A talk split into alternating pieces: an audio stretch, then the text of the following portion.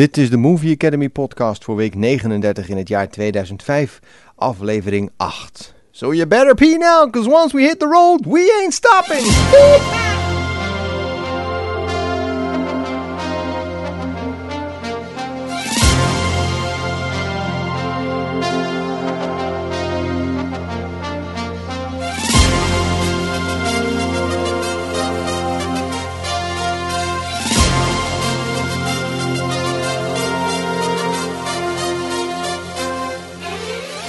Hallo en welkom bij de Filmcast, voorheen de Movie Academy podcast. Jouw internetadresje voor de leukste filmbesprekingen van Nederland. Op 29 september, oftewel in week 39, gingen er vijf films in première. En ik heb maar liefst twee uitgebreide besprekingen voor je, plus een hele zwik nieuwtjes. In deze podcast hoor je verder muziek uit Shrek, Inspector Gadget en een conferentie van Billy Connolly.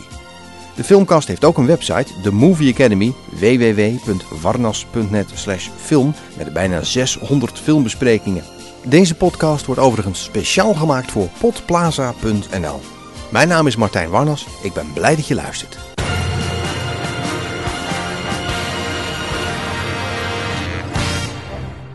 Zoals altijd begin ik met het premièreoverzicht en deze week gingen er vijf films in première. Yang Bangxi, de acht modelwerken, is een documentaire over de Chinese Yang Bangxi opera, die tijdens de culturele revolutie de enige toegestaande kunstvorm was en die ook nu weer enorm populair is, althans daar.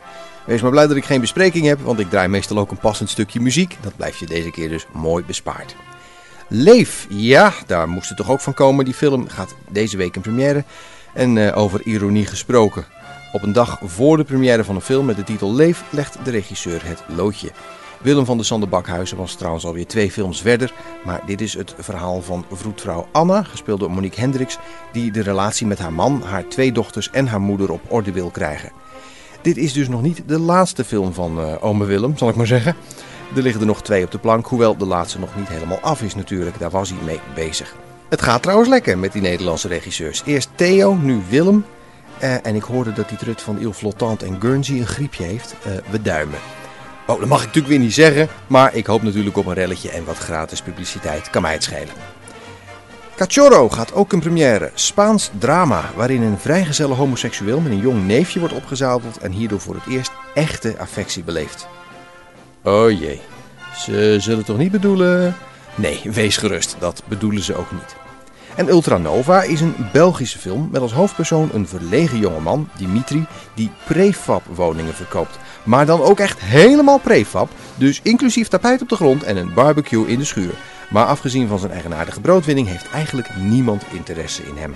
Twee films ga ik uitgebreid bespreken. De ene is Hooligans met in de hoofdrol, dat vertel ik dan alvast, Elijah Wood, oftewel Frodo uit de Lord of the Rings films. Dit is een heel ander verhaal. En ik ga het verder uitgebreid hebben over Chronikas. Die gaat volgende week pas in première. Ik bespreek hem nu al. Dat wil zeggen na een aantal plaatjes en een nieuwsblokje. Uh, ik heb ook nog wat filmnieuws voor je namelijk. Dat doen we zo meteen. Maar ik wilde eerst even rustig beginnen met iets bijzonders. Deze week overleed namelijk op 82-jarige leeftijd acteur Don Adams, bekend geworden als de onhandige geheimagent Maxwell Smart en als de stem van de even onhandige Inspector Gadget. Die serie is nu niet meer om aan te zien, maar de muziek brengt nog altijd dat zaterdagochtend Sky Channel tekenfilmpjes met Linda de Mol en DJ Cat gevoel bij me terug. Dan mocht je nou naar kijken, je ouders lagen nog in bed. Ja, mooie herinneringen. En als jij die mooie herinneringen niet hebt, dan bof je, want het duurt nog geen anderhalve minuut, maar ik draai het toch.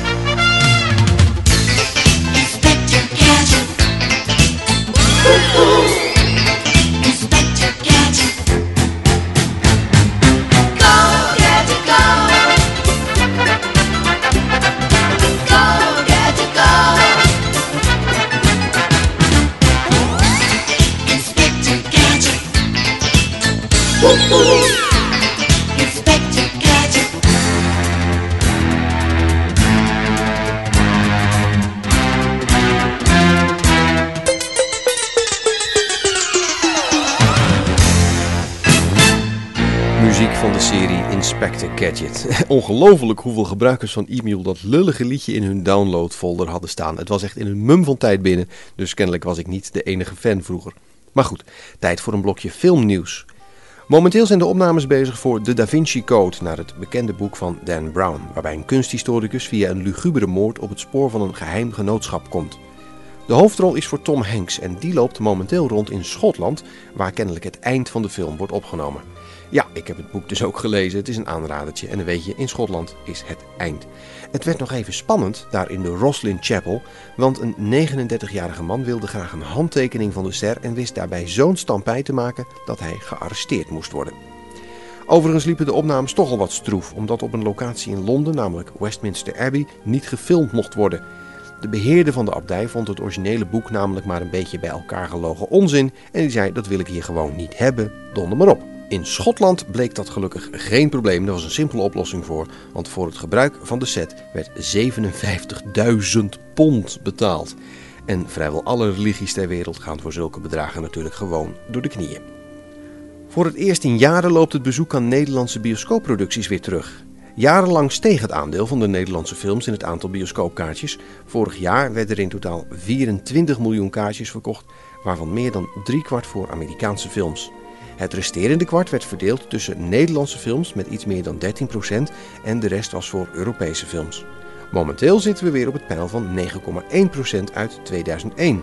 Daar staat tegenover dat Duitse films het hier wel steeds beter gaan doen, met als voorbeelden Der Untergang, Goodbye Lenin en Sproet. Overigens was 2004 wat mij betreft helemaal geen slecht jaar voor Nederlands werk. Denk maar eens aan Amazones, De Dominee, Alice in Glamourland, Stille Nacht, de zaak Alzheimer. Nou oké, die was dan Vlaams. Maar we hadden in ieder geval ook nog een paar goede Nederlandse kinderfilms. Zoals Erik of het Klein Insectenboek, Pluk van de Pettenflat en In Oranje. Het zal wel weer aan de filesharing liefhebbers liggen. Het ligt altijd aan filesharers, dus nu waarschijnlijk ook wel weer. Tot slot goed nieuws voor pubers en mannen met kleine geslachtsorganen.